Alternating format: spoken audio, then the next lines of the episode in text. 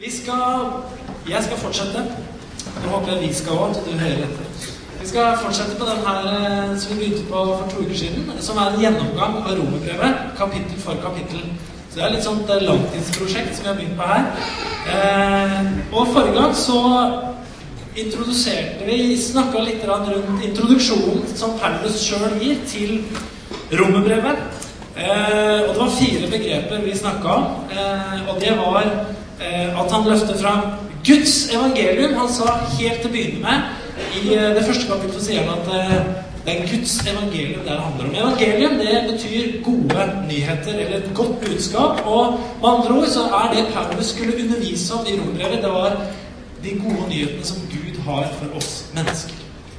Eh, det andre begrepet som vi snakka litt om sist, det var det med troens lydighet, som Paulus sa at hans kall var å virke troens lydighet i i oss.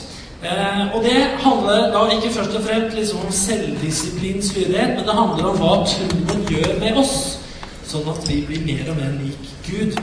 Eh, det fjerde, tredje begrepet vi snakka litt om sist, det var frelse. Eh, skammer, jeg skammer meg ikke over evangeliet, for det er Guds kraft til frelse. Eh, og frelse det handler da om hva som frelser oss. Det er evangeliet. Evangeliet er Guds kraft til frelse. Og Det siste begrepet vi snakka litt om sist, som Paulus introduserer brevet med, det var det at han snakka om Guds rettferdighet som blir åpenbart i evangeliet. Og det står som en sånn motsetning til det vi kan kalle for egenrettferdighet og selvrettferdighet. Vi får Guds rettferdighet som en gave. Eh, I dag skal vi da ha del to, og da skal vi ta andre del av det første kapittelet i rombrevet. Eh, og jeg sa forrige gang at det liksom, skulle ønske jeg kunne tatt hele kapittel ett. Men det går jo for tida skyld. Fordi at den andre delen av kapittel 1 handler om Guds vrede. Så det var liksom kjentes så hyggelig ut å snakke om Guds vrede. Og så skal vi få noe positivt ut av det. Eh, det skal vi få noe bra ut av, tror jeg. Det handler om Guds vrede, det handler om synd, og det handler om Gud og menneskets forhold i disse tinga her. Eh, han begynner i denne andre delen eh, å beskrive frafall og Guds vrede i forbindelse med det. Eh, og det leder oss inn i den diskusjonen som Paulus skal føre videre i dette brevet her. Eh, nemlig forholdet mellom synd, nåde og frelse. Mellom synd, nåde og frelse. Eh, og vi snakka litt sist om også at det, det, er liksom noe som har opptatt mennesker som har vært interessert i Gud, i tro, til alle tider. Eh, hva skal til for å bli frelst? Hvordan lever man et, hvordan, Hva er bevis på at man er en ekte kristen? Og så, videre, og så, så jeg vil at du liksom tenker at det vi skal snakke om i dag, det tilhører en større sammenheng. For saken er den at Paulus han kommer til å Allerede her nå fra vers 18 i det første kapittelet så kommer Paulus til å begynne en slags bevisførsel, hvor han beviser og argumenterer for at alle mennesker har synda. Det gjelder alle, ikke noen få. Alle mennesker. Så det er det han starter med her i, i det 18. verset. Eh, når vi leser dette kapitlet her, og vi leser den delen vi skal lese da, så kan vi få inntrykk av, når vi bare leser teksten, at han eh, det er noen få han peker ut som spesielt syndige. Men vi skal kanskje komme til en litt sånn overraskende eh, konklusjon på det vi snakker om i dag. Men vi skal, vi skal lese fra vers 18 i dette første kapitlet, så vi, så vi kommer i gang. Og det handler om at Gud er vred. Det står Guds vrede åpenbares fra himmelen over all ugudelighet og urett hos mennesker som holder sannheten nede i urett. Guds frede åpenbares fra himmelen. Vred Det høres ikke veldig positivt ut, og det er det selvfølgelig ikke. Eh, og Det høres ut som Paulus nå skal bekrefte det bildet som veldig mange har av Gud. Nemlig at Gud er en vred, sint Gud som grunnleggende er ute etter å ta mennesker. Som er ute etter å liksom få kloa i oss og få noe på oss. Mange har jo det bildet av Gud. Og vi må spørre oss er dette et sant bilde. Det skal vi se litt på. Eh, saken er at det er mye forkynnelse opp gjennom historien som har vært med å skape et sånn ensidig bilde av Gud på den måten der. Og det er noe som sitter hardt i vår kultur, og det er noe som også sitter hardt i store deler av kristenheten. Eh, og det er, det er, mye som har gjort det her. En av de mest kjente talene i historien eh, som, har, eh, som, har, vært med å skape det her. Blant annet, det er en, holdt en amerikansk vekkelsesforkynner som heter Jonathan Edwards. Jeg er sikker på mange av dere har hørt om Jonathan Edwards. Han var eh, en av de ledende profilene i det som kalles The Great American Awakening. Altså Det var en enorm vekkelse som gikk i Amerika mellom 1730 til 1755, som kalles The Great American Awakening. Hvor det var eh, en vekkelse som var så gjennomgripende at det var med å forandre Amerika for alltid. Både kristendommen og kultur. Eh, Jonathan Edwards han, han ble regna for å være en av de viktigste intellektuelle og teologene fra den Great American Awakening. Eh, og i amerikansk historie. Eh, han, han, døde like etter at han hadde overtatt presidentskapet på noe, da, det som da het College of Jersey, New Jersey. Det som senere ble Princeton University. Så han, han var ikke en småkar, og det fins mye mer å si om han. Men Jonathan Edwards det er et navn som, som klinger i dag også. Eh, han holdt en tale eh, 8.07.1741 i Enfield i Connecticut så holdt han en tale som heter 'Sinners in the hands of an angry God'. Sinners in the hands of an angry God. Og det er en utrolig kjent tale. En tale som uh, lever ennå i dag. En tale som blir studert på mange teologiske seminarer rundt omkring. Og det regnet på en måte med en sånn signaturtale da, på denne vekkelsen som skjedde den gangen. Talen har vært sterkt kritisert, men også vært sterkt elska. Uh, og mye av Edvards bilde av Gud gjennom den talen 'Sinners in the, in the, in the hands of an angry God', den, den, på en måte har fulgt mye vekkelseskristendom og vekkelsesforkynnelse senere. Budskapet i denne talen handler grunnleggende om at Gud er svært vred på menneskeheten, og at han når som helst kan kaste den onde i helvete. Uh, Edwards, og du, for dere som har lest litt amerikansk vekkelseshistorie, vet at en del forkynnere de forkynte helvete så kraftig uh, og så lenge at folk ja, de, de avbrøt under talen og sa Hva gjør jeg for å bli frelst nå? For de følte at Gud når som helst ville kaste dem i helvete. Og eksempel en som Charles Finney hadde også noen ganger når han talte, så hadde han vekkelseskampanjer. Og folk kom jo på møtene og han kunne tale helvete i, i fem-seks dager før han siste kvelden talte om nåde. Og da var det mange som ble frelst.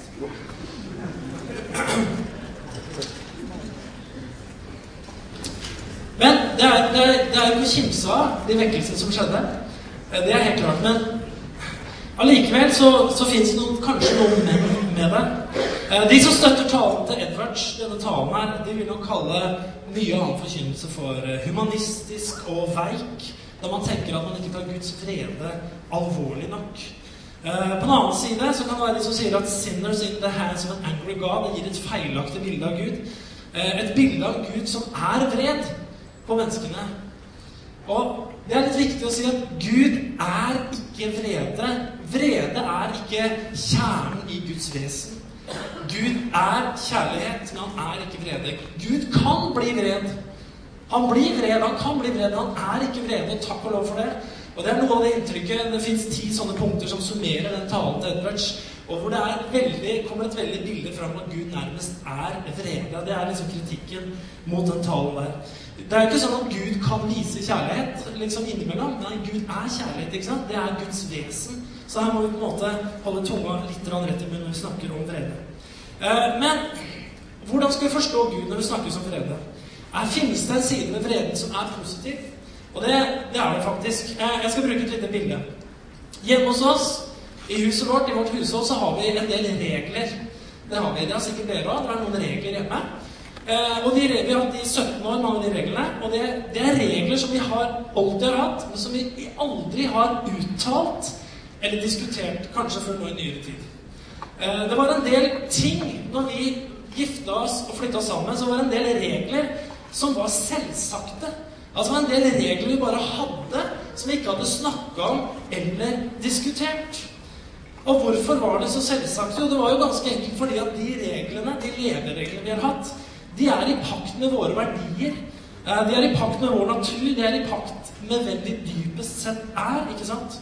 Eh, vi har kjent hverandre, vi har blitt kjent, vi har kjent hverandres verdier, vi har kjent hverandres natur. Vi har lært å kjenne hvem vi dypest sett er. Derfor er det en del ting vi ikke har hatt behov for å snakke om. For eksempel så satt aldri Katrin og jeg vi satt oss aldri ned og prata om Altså nå som vi skal flytte sammen, vi har gifta oss, så er det, jeg synes det er viktig at vi har den regelen at vi, vi, vi ikke slår hverandre, f.eks. Eh, det føler jeg er veldig viktig at vi får på plass den der at ikke vi denger hverandre opp eller eh, kaster mat på hverandre, f.eks. Da kanskje du sa jeg er helt uenig, jeg liker å slå mye og Nei, vi hadde jo ikke sånn. Eller jeg syns også det er viktig å tenke på at eh, hvis vi skal gjøre et nødvendig ærend, som så fint heter, liksom, da, da, bruker vi toalettet, f.eks. Det, det syns jeg vi må bli enige om. Nei, altså Vi snakka jo aldri om de tinga der. Hvorfor det? Fordi det, det, var ikke behov for å snakke det. fordi det, det var jo sånn vi var. Det var, det var ikke nødvendig å diskutere, det ikke nødvendig å si. Det var i pakt med vårt vesen. Nå har det imidlertid blitt sånn at vi nå i nyere tid har fått et større behov for å klargjøre reglene våre hjemme. Hvorfor det? Fordi vi har fått barn. Og når vi har fått barn, så er det viktig å klargjøre sånne ting som at nei, nei, vi tar ikke ansiktet til den andre broren din og skviser rundt, f.eks. Vi gjør ikke det her. Eller vi slår hverandre ikke her. Eller ja, du går på do når du skal gjøre de tinga der. Da går du inn der, på den der porselensgreia der. Så gjør du det. Eh, og vi har fått behov for å definere ting fordi at de er ikke det vi er enda, men de er på vei, takk og lov. Eh, vi definerer med andre ord veldig tydelige regler, leveregler som før var usagt, selvskrevne. Det var sånn like naturlig som vi liksom pusta. Men nå må vi definere dem. Og vi kan ende opp med å bli skikkelig sinte vi som er mennesker, har evnen til å bli vrede. Hvis disse reglene, disse lovene som vi har hjemme, blir brutt. Vi kan godt si at uh, vrede det er det motsatte av likegyldighet. Hvis vi var likegyldige, så hadde vi ikke brydd oss om noen ting. ikke sant? Og da er spørsmålet hadde det vært fint med en Gud som var likegyldig? Som ikke kunne bli vred, som ikke kunne vise vrede? For likegyldig må jo være det motsatte Det er ikke så farlig. Jeg bryr meg ikke noe spesielt. Jeg blir aldri sinna. Altså, vet du hva? Det er ikke noe bra. Det er ikke noe bra å aldri bli sinna. Altså, det er flere måter liksom å reagere på. Vi er liksom Første fasen av reaksjon det er f.eks. overfor barna. Det er når du tålmodig forklarer hvor fordelaktig det er å gjøre disse tinga. Du vært i den fasen der med barna dine? Jo da, det er så fint å dele. Skjønner du Skjønner du deler godteriet ditt, f.eks. Når du lærer å dele med andre, så fins det enorme fordeler med det. For du utvikler en sånn livsstil hvor du ikke er egoistisk. Du deler med andre, du kommer til å få venner, det kommer til å gå godt for deg, og du lærer deg å gi. Ja, Det sitter allikevel litt hardt i noen ganger. Men vi er i en sånn pedagogisk fase. Den andre fasen er gjerne vi er litt mer formannende, snakker litt strengere og sier at nå må du høre hva jeg sier. Vi legger litt mer trøkk på det. Vi er kanskje fortsatt pedagogiske, men er litt strammere i tonen eh, når vi snakker om hvordan ting burde være. Eh, den tredje fasen er kanskje når vi sier at nå er det faktisk nok. Eh, vi har sagt ting x antall ganger, og det skjer eh, ikke en endring i atferden. Og da, da kommer vi inn i den konsekvensfasen at vi gjerne sier at hvis du ikke hører etter nå, hvis du ikke gjør dette her nå, så blir det kanskje ikke noe lørdagsgodt neste lørdag. Eller det blir ikke noe fotballturnering til helga, kanskje. Da har vi forlatt kanskje bokpedagogikken. jeg vet ikke. Vi begynner å bli litt sinte, da. Og så har vi den fjerde fasen, når vi har kommet til at ingen sanksjoner virker, og at det fortsatt blir begått disse tingene som er feil. Og da kommer vi til punktet hvor vi såkalt sprekker. Noen som har vært der? Vet ikke? Ja, noen har vært der. Ok. Da sprekker vi, og da kan, kanskje vi kommer inn i den fasen som kalles for vrede. Jeg skal ikke prøve, å Det er veldig individuelt hvor fort vi kommer til den der hvor vi sprekker. da, Noen gjør det hele tida, mens andre gjør det som hvert skuddår. Det er litt forskjellig, det. Poenget da, det er det at det, hvis vi er ærlige, så har du og jeg Hvis vi er vanlig skrudd sammen sånn, så har vi erfaring med at vi blir vrede. Vi som er mennesker, blir vrede fordi noe blir brutt så kraftig imot det vi står for, og det vi er, og hvordan vi mener at ting må være ut fra våre egne verdier. Og Da står det noe i Bibelen om det å bli sinte. Det å bli vrede. Det står i Efeserbrevet 4,26 så står det Blir dere sinte, så synd ikke, og la ikke solen gå ned over deres vrede. Da kan vi spørre, og vi spør oss som er mennesker Burde vrede, burde sinne være en evne vi ikke burde ha hatt? Nei. Som jeg sa, det er et bevis på at vi elsker noe. Den andre enden er at vi også blir sinte når noen bryter det vi elsker. Og ingenting får oss mer sinte og mer vrede enn om noen gjør noe med barna våre.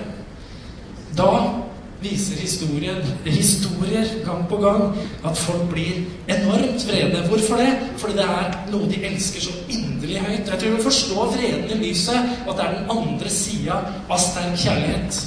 Men Jo mer du elsker noe, jo vredere vil du og jeg bli om noen trosser det, ødelegger det, tråkker på det, og at ting går i stykker.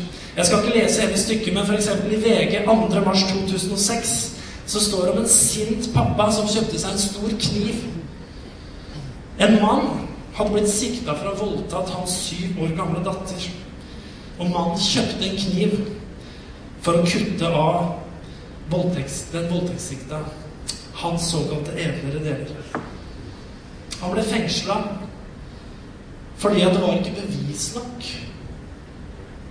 Det var ikke bevis nok til å felle mannen for det han faktisk hadde gjort.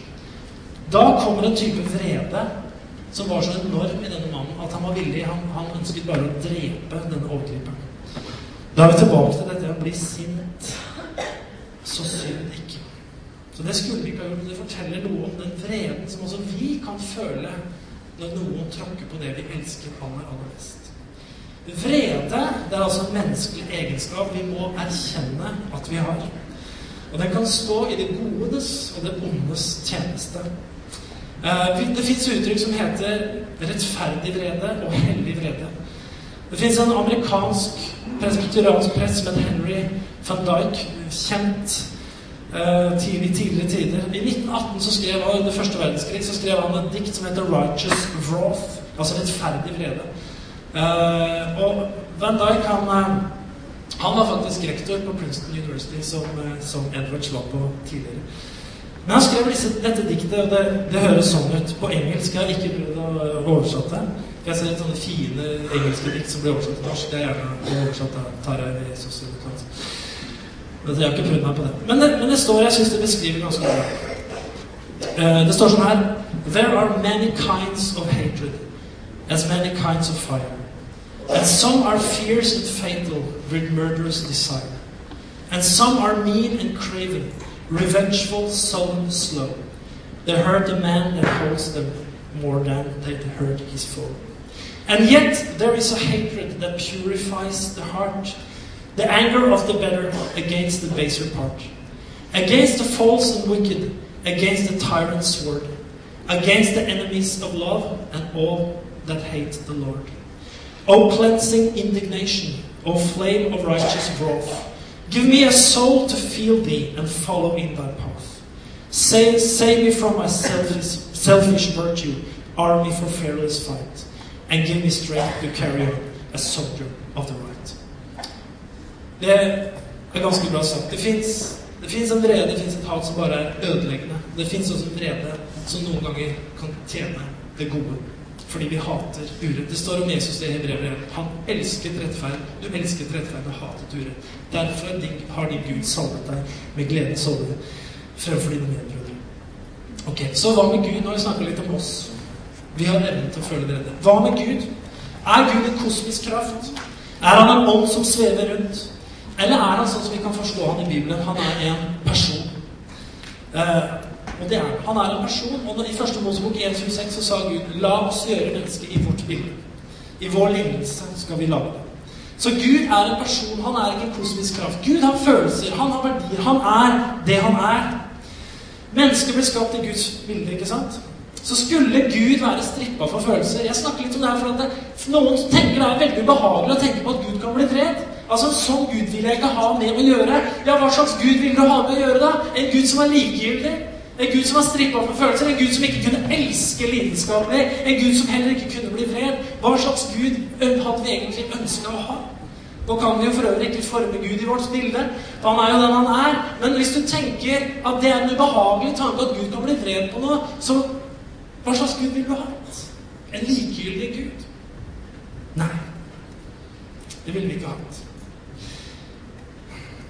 Når Gud blir fred, så er det fordi at det er noe som trosser hans vesen, som bryter med den han dypest sett er. Derfor blir Gud vred. Akkurat som vi kan bli vrede. Ok. Vi skal gå inn igjen i teksten. Rombrevet i kapittel 1 og vers 18 en gang til. Det kommer to spørsmål ut fra det verset her. For det står Guds vrede åpenbart fra himmelen over all ugudelighet og urett hos mennesker som holder sannheten nede i urett. Og Da er det på en måte to spørsmål jeg ser i det verset her. For det ene hvordan åpenbarer Guds vrede seg? Hva betyr det? Eh, og hva betyr det at noen holder sannheten nede i urett? Eh, for å svare på det spørsmålet så skal vi lese, skal vi lese kapittelet ut, eh, rett og slett ut, så vi får med oss resten av teksten. Og skal vi si litt om den. Eh, da leser vi fra, fra vers 19 videre. For, sier Paulus, for det vi kan vite om Gud, ligger åpent foran dem. Gud har selv åpenbart lagt det åpent fram. Hans usynlige vesen, både hans evige kraft og hans guddommelighet, har fra verdens skapelse av kunnet se og erkjenne av hans gjerninger. Derfor har de ingen unnskyldning. De kjente Gud, men likevel lovpriste de og takket de ham ikke som Gud. Med sine tanker endte de i tomhet, og deres uforstandige hjerter ble formørket. De påsto at de var kloke, men de endte i dårskap. De byttet ut en uforgjengelig Guds herlighet med bilder av forgjengelige mennesker, fugler, firbente dyr og krypter. De fulgte etter sitt hjertes lyster. Derfor overga Gud dem til urenhet, slik at de vanæret sine kroppene med hverandre. De byttet ut Guds sannhet med løgn og tilba og dyrket det skapte istedenfor skaperen. Han som er velsignet i evighet. Amen. Derfor overga Gud dem til skammelige lidenskaper. Kvinnene byttet ut det naturlige samliv med det unaturlige. På samme måte sluttet mennenes naturlige samliv med kvinner og brant i begjær etter hverandre. Menn drev utukt med menn, og de måtte selv ta straffen for sin villfarelse. De brydde seg ikke om å kjenne Gud. Derfor overga Gud dem til en sviktende dømmekraft. Så de gjør slikt som ikke sømmer seg. De er fulle av all slags urett, umoral, grådighet, ondskap, fulle av misunnelse, mordlyst, strid, svik og falskhet. De får slatter og baktalelse, hater Gud, bruker vold. De er overmodige, brautende. De pønsker ut ondskap og er ulydige mot foreldre. De er uforstandige, upålitelige, ukjærlige og ubarmhjertige. De vet hva Guds lov sier, at de som gjør slik, fortjener å dø. Men ikke bare gjør de dette selv, de roser også andre som gjør det. Ja. Det var en lang liste på alt som har gått gærent. Eh, det å holde sannheten nede i urett, det sier han i vers 18, som vi har oppe her. Eh, Paulus tenker noe rundt det. Når han bruker uttrykket 'å holde sannheten nede i urett', så er det liksom jeg ser for meg som en badeball. Har prøvd å holde den nede noen gang? en Sånn stor badeball. Det er jo, Man holder den nede. Men du skal bare slippe litt, så spretter den opp igjen. Eh, og det det kan være en sånn måte som Paulus skriver om, at folk må holde sannheten nede i urett for å gå bort ifra Gud. Eh, den såkalt nye ateismen, ofte omtalt som aggressiv ateisme, sånn som en som Richard Dawkins f.eks. Han kjører jo sterke kampanjer, både i bokform og på TV, for å bevise at Gud ikke kan eksistere. De jobber på spreng for å få folk til ikke å tro på Gud. Eh, og mange ganger så tenker vi det at vi må jobbe hardt for å få folk til å tro. Eh, vi tar med andre ord utgangspunkt i at folk, det ikke er naturlig for folk å tro. Eh, det er noe unaturlig, så vi må, vi, må, vi må, liksom stå på for å få folk til å tro. Paulus tegner et annet bilde. Han sier at det egentlig er det veldig naturlig å tro. Man må faktisk liksom bare holde sannheten nede for å liksom unngå det. Eh, saken er jo at det må jo på alle måter jobbes enda hardere for folk til ikke å tro enn å tro. Eh, hele utdanningssystemet vårt eh, er jo lagt opp til å få folk til ikke å tro. Vi bruker mange år på å få folk til ikke å tro. Eh, det undervises ikke i Guds eksistens, men i religionsfag. Det undervises ikke i skapelse, men i evolusjon. ikke sant? Altså, hele hele utdanninga som eh, vi går igjennom i skoleverket, er på en måte laga for å fjerne tro. Allikevel så lykkes man egentlig ganske dårlig. Eh, det er En som heter Timothy Kelly, som jeg har blitt tipsa om av Frode. må dere absolutt lese og høre på. Han er pastor og grunnlegger av noe som heter Redeemer Presbyterian Church i New York City. Han har skrevet en bok som heter 'Reason for God'. Belief in an age of skepticism. Han har vært på mange universiteter og diskutert tro. Han ble sånn kryssforhørt da, ikke sant? av forskjellige professorer og sånn. Eh, og så har han en artig tanke. For han sier ok, hvis du tror på evolusjon, da, så tror de jo det at måten vi har blitt forma på, måten vi er på i dag, det er et resultat av en utvikling der vi har utvikla egenskaper som har vært nødvendige for å overleve. ikke sant?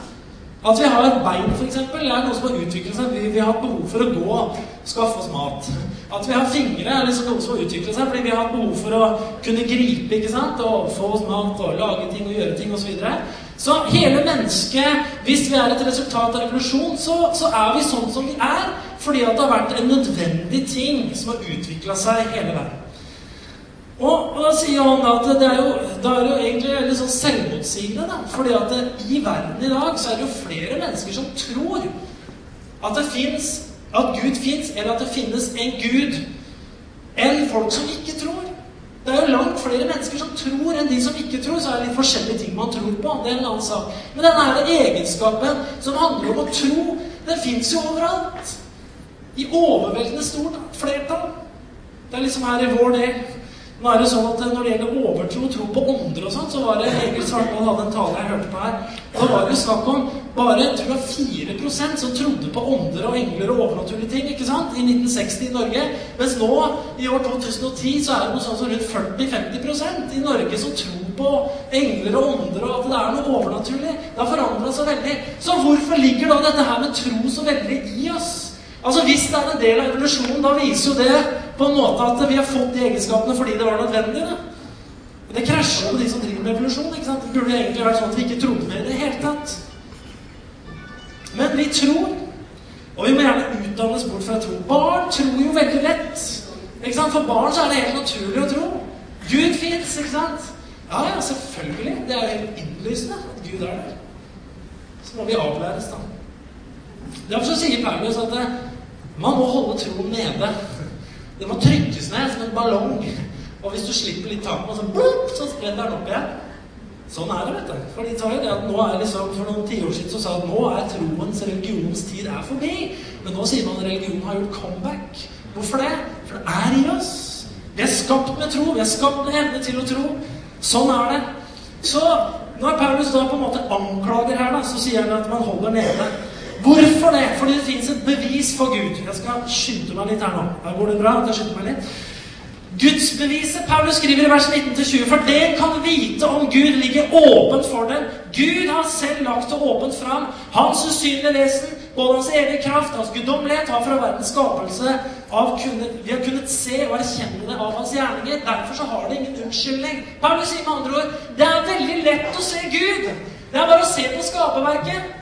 Nå har vi fått en annen teori da, som på en måte har fjerna Gud fra skaperverket. Men se på skaperverket, sier Paulus.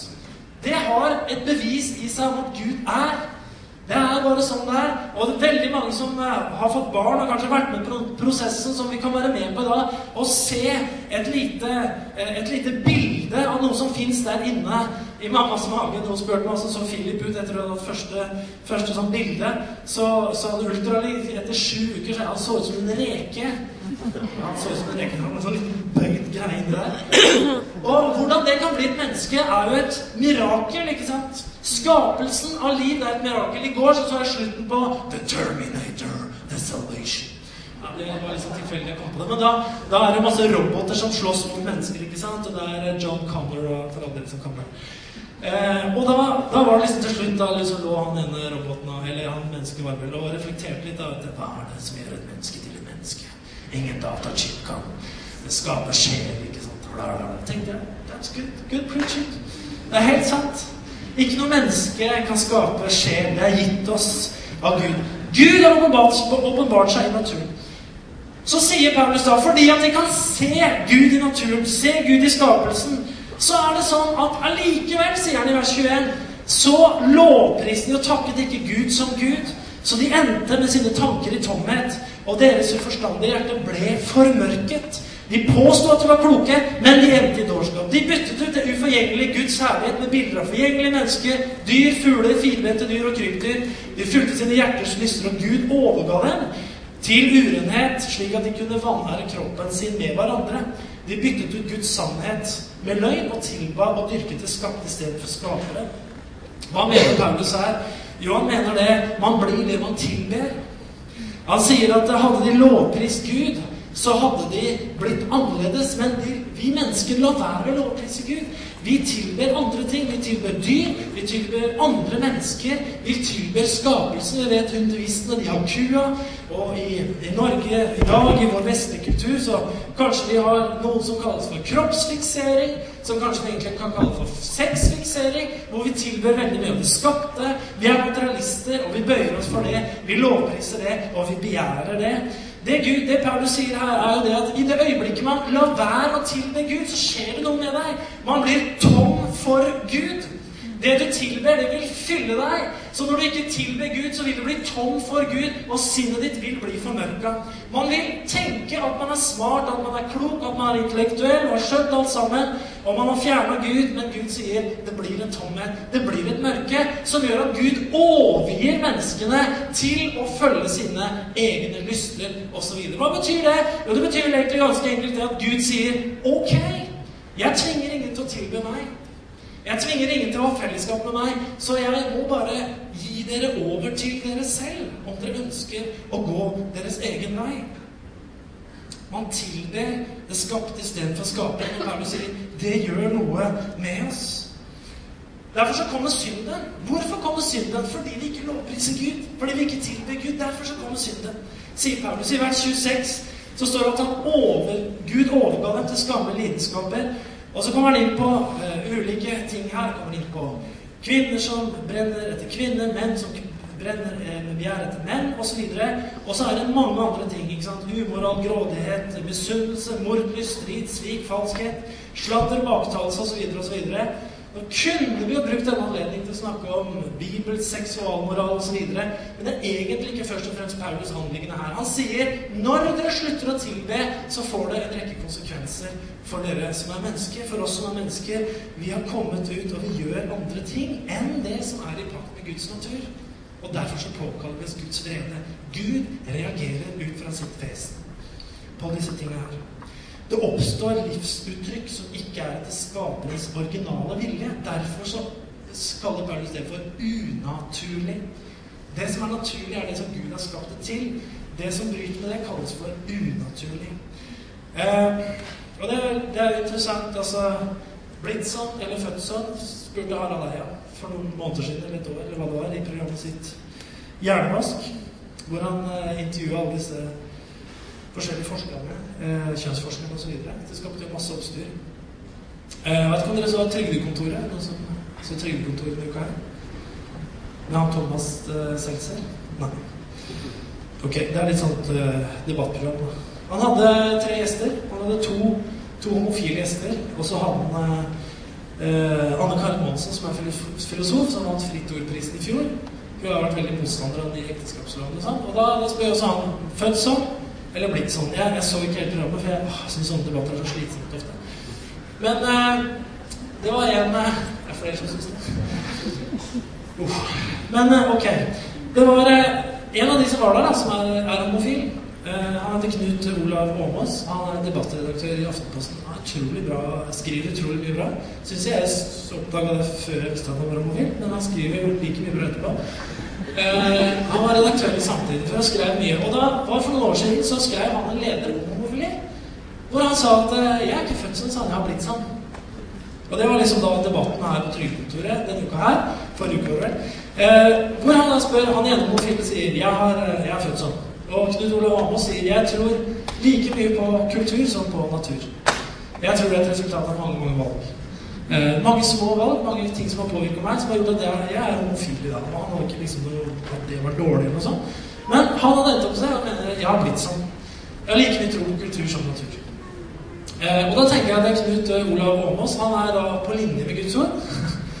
Men han sier at eh, det noe med hva jeg har tilbedt, hva som har påvirka meg, hva som har fylt meg, og så er jeg blitt der jeg er. Det er det som Paulus da i dette kapitlet kaller for unaturlig, for det bryter med skaperordningen. Skaperordningen er da utgangspunktet for hvordan han ser, ser dette her. Men han tar ikke bare opp det, han tar også baktalelse, sladder, bla, bla, bla, bla, masse andre ting. Eh, jeg har et avsluttende viktig spørsmål eh, til deg. Klokka er litt over halv. Hvem er synderne?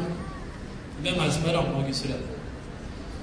Eh, det må vi svare på. For når vi leser når vi leser dette første kapitlet, leser om baktalelse, vi leser om homofili, vi leser om det ene og det andre. Mange ting som Paulus remser opp, så tenker vi at ja, det, er de, det er de folka der. Det er de, det er de som virkelig er syndere. Men hvem er synderne? Hvem er det som er utgangspunktet rammet av Guds fred? Da meg lese bare ett eh, par vers i det andre kapitlet, hvor han sier sånn her. Derfor har du ingen unnskyldning, du menneske som dømmer, hvem du enn er. For når du dømmer en annen, fordømmer du deg selv. Du som dømmer, gjør jo det samme. Og vi vet at Guds dom med rette rammer dem som driver med sånt. Men når du, menneske, dømmer dem som gjør slikt, og selv gjør det samme, mener da du at du skal unnslippe Guds dom? Ja. Så Paulus snakker om mange synder i det første kapitlet, den andre delen. Og så sitter vi kanskje og tenker at ja, det er de der veldig syndige folka.